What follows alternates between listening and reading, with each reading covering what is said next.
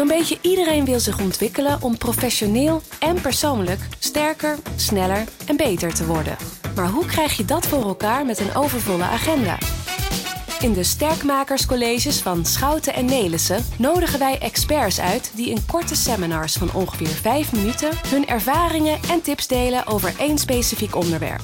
Van adviezen over time management, persoonlijk leiderschap en organisatieontwikkeling tot uitleg over begrippen als assertiviteit, vitaliteit of persoonlijke effectiviteit. Wat is het en wat zijn de tips waar je meteen mee aan de slag kan? Hallo, ik ben Daisy Ducro, de dochter van Maarten Ducro, die mij gevraagd heeft hem wat vragen te stellen over high performance teams, omdat hij het toch wat lastig vond om daar een monoloog over te houden. Klopt dat? Het klopt als een bus. Oké. Ik haat monologen. Ja, precies. Eh, Maarten, waarom word jij uitgenodigd om te spreken over high performance teams? Ik ben natuurlijk een oude wielrenner. Ja. eh, met de nadruk op oud. Eh, en ik heb in dat soort teams gezeten. Die worden geacht high te performen. En dat heb ik twaalf en een half jaar gedaan. Heel lang geleden. En ik heb die ervaring gewoon meegenomen naar mijn werk als organisatieadviseur later. En als commentator op tv bij wielrenwedstrijden. Oké. Hoe, eh, hoe uitzicht dat, dat jij die ervaring hebt meegenomen? Hoe Nou ja, ik heb, eh, ik heb zelf in, eh, in het wielrennen als, als beroepswielrenner in high performance teams gezeten. ja. Die het heel goed deden en die het heel slecht deden. En daar heb ik echt wel levenslessen uitgeleerd. Eh, en die gaan we nou... eh, eh, bijvoorbeeld dat team wat zo goed ging, dat, dat was Jan Raas, was de beste wielrenner die wij ooit gehad hebben in eendaagse wedstrijden. Mhm. En die stopte tijdens mijn eerste jaar als wielrenner. En toen werd hij ploegleider in de Tour de France. Dat was zijn eerste Tour en mijn eerste Tour. Oké. En hij zei aan de vooravond van die eerste Tour... jongens, ik kan niet meer zelf op de pedalen duwen. De sponsor is ontzettend teleurgesteld dat zijn sterrenner, Jan Raas dus, ermee stopt. Hij gaat stoppen met sponsoren. En wij moeten dus maken dat we op tv komen of in de krant. Nou hebben we één voordeel in de Tour de France. Komt elke scheet die je laat in de krant. dus we gaan scheten laten. Ja. Iedereen aan die tafel, negen renners, wisten wat hij daarmee bedoelde. Scheten laten in de Tour de France. Dat zijn natuurlijk geen echte scheten, dat snap Hm, jij ook. Snap dat, zijn meezitten in ontsnapping.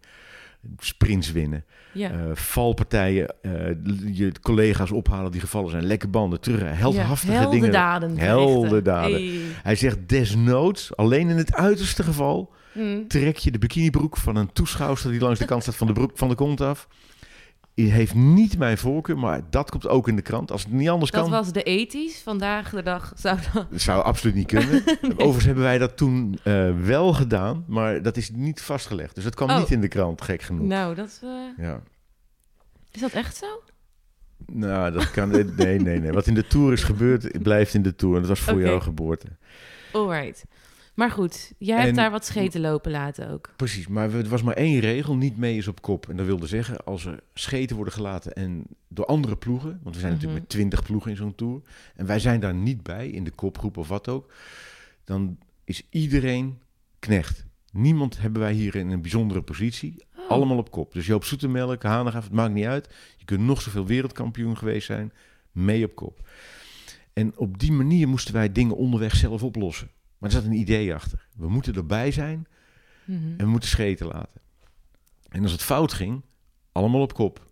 Ja. Niemand uitgezonderd. En dan gingen we natuurlijk zelf van nadenken van als het zo niet lukt, hoe dan wel? Want er zijn twintig ploegen die ook proberen die koers te winnen.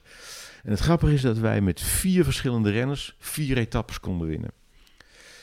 Diezelfde ploegleider, die natuurlijk nu verzekerd was van zijn sponsor, want wij wonnen vier etappes. En die sponsor... En jij ook die. Ja, en inderdaad. Laat dat even niet onvermeld blijven. Maar die, die lamlul van een sponsor, Ja, die zei natuurlijk meteen van... Oh, eh, nou, ik blijf toch maar wel sponsor. ja. En toen gingen ze de controlekant van organiseren, botvieren. Oeh. Namelijk, wij willen een sprinter in de ploeg hebben. Zodat we zeker weten dat we meer kans hebben op overwinningen dan we nu hebben. Maar we hebben er al vier. Ja, maar dat was een beetje toevallig. Ja, maar ja, toeval kan je helpen. Nee, maar was, Ja, dat ja, is het idee. Dat is het idee. Überhaupt in het bedrijfsleven. Mm. Jean-Paul van Poppel, de sprinter, won toen nog nul etappes, maar zou er later elf winnen. Dus een supergoeie sprinter. Maar toen was de opdracht niet in één keer, we gaan scheten laten. Nee, de opdracht was, als Van Poppel gaat pissen, ga jij ook pissen. En voor Ja. de rest wil ik je smoel niet zien aan de auto. Ja, Zei die tegen jongens die het jaar daarvoor dus vier etappes hadden gewonnen. ja. Ik hoop dat je je kunt voorstellen dat in elk geval mijn motivatie aanmerkelijk afnam. En dat er wat kinderzinnen was in de ploeg. En Van Poppel zelf, die zegt: Jongens, ik hou het wel op onderweg. Want ik hoef helemaal geen hele ploeg om mij heen te hebben. ja. Zet Gert Jacobs bij me en ik maak het wel af in mijn eentje op het laatst. En kortom, het werd een heel vervelende tour. Ik reed hem niet eens uit. Ik was erg teleurgesteld. Van Poppel won uiteindelijk wel een etappe. Mhm. Eh, ik zou je besparen hoe dat ging, eh, maar dat was wel met kunst en vliegwerk. En eh, de ervaring die ik daarbij heb, is dat zelfsturing, als je er zo naar kijkt, in een team bestaat niet. Het zit hem in de voorbereiding. Die voorbereiding die Raas deed in dat eerste geval, een Ja. idee neerleggen bij de jongens. Ik kan niet zelf op de pedalen duwen, jullie hebben verantwoordelijkheid. Maar dat waren hooggetrainde professionals, die al tien jaar wisten wat het was om op een fiets af te zien en hoe je een koers moest rijden. Ja, En wij namen natuurlijk de tactieken door. En we namen de fouten door die we onderweg maakten. Dat deden we onderweg, al scheldend. Mhm. En s'avonds aan tafel zaten we met luciferdoosjes en lucifers pelotons na te bootsen. Van god, door, had toen dit en zus en zo. ja. En Raas zag dat het goed was. Die zei Ja. maar één ding, ik ben er om jullie te helpen. Mhm. Ik ben ook een, eh, hij was een agressieve ploegleider. Ik kom er ook vuur in brengen. En als het niet goed Mm. was, dan vloekte hij en sloeg hij met de vuist op tafel. Maar dan zaten wij te overleggen hoe we dat beter konden doen.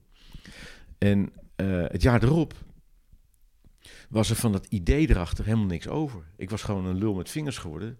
En wat deden we allemaal? We wachten inderdaad tot Van Poppel moest pissen. En Van Poppel zei, jongens, ik hoef niet. Ik hou het wel op. En we wisten niet meer goed wat we moesten doen.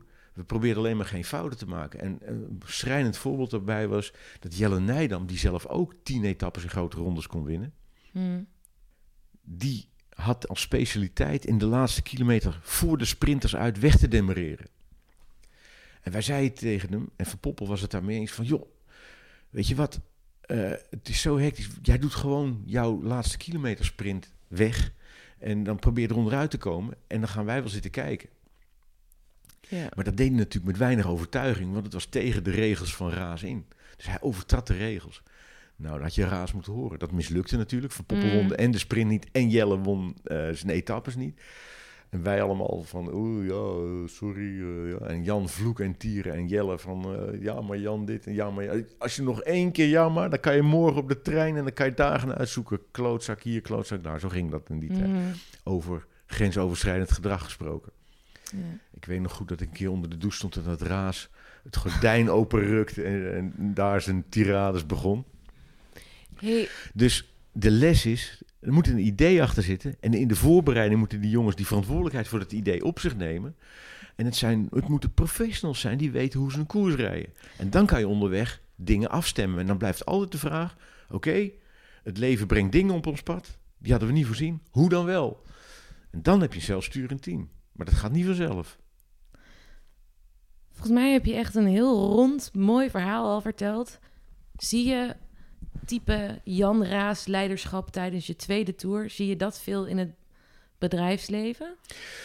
Eh, waar zie je het misgaan Ja, in ja de- waar, wat, de, wat de, de fouten die ik zie, is dat eh, er te weinig tijd is om de connectie te maken met de mensen over een idee wat je hebt. Hè, Raas legde echt zijn edele delen bij ons op het bord. Jongens, mijn hoofd ligt op het hakblok. Ja. Onze ploeg stopt te bestaan omdat ik gestopt ben. Ik kan niet meer op de pedalen duwen. Jullie moeten het doen. Nou, dat is een verhaal. Ja. En we gaan scheten laten. We gaan scheten laten. En we Ja. zijn allemaal kopman en we zijn allemaal knecht. En we onderweg bespreken we hoe we het gaan doen. En we maken fouten, maar we winnen er ook vier. Maar dat weet je niet van tevoren. Nee. Dus je stuurt onderweg en dan zelfsturing onderweg. En dan aan het eind kijk je terug en zeg je, jee, dat hebben we goed gedaan. Ja. Want we werden ook nog een paar keer derde of vierde. En dan maakten we fouten. Of deden we het hartstikke goed, maar waren de anderen beter. dan kan je dat ook accepteren. En dat tweede geval, die controle, wij willen de zekerheid van een sprintwinnaar. Dat, zie je, dat noem ik op tv tekentafelvuurrennen. Dat tekentafelvuurrennen, dat is meer schering dan dat is schering en inslag in het bedrijfsleven op dit moment. De, hmm. de manager die wil een prestatie. Die benoemen KPI's en die zeggen: ik wil dat eindresultaat. Dat project moet dan en dan af zijn tegen dat budget en ik wil daar controle over. En wat blijkt? 90% van de projecten komt niet binnen tijd, binnen budget, met het gewenste doel af. Waarom niet? Omdat het leven zich niet laat plannen. Daar hebben ze al liedjes over gemaakt en John Lennon staat ermee in de encyclopedie. Dus je moet het onderweg regelen met elkaar. En dat kan alleen als er een leidend verhaal is.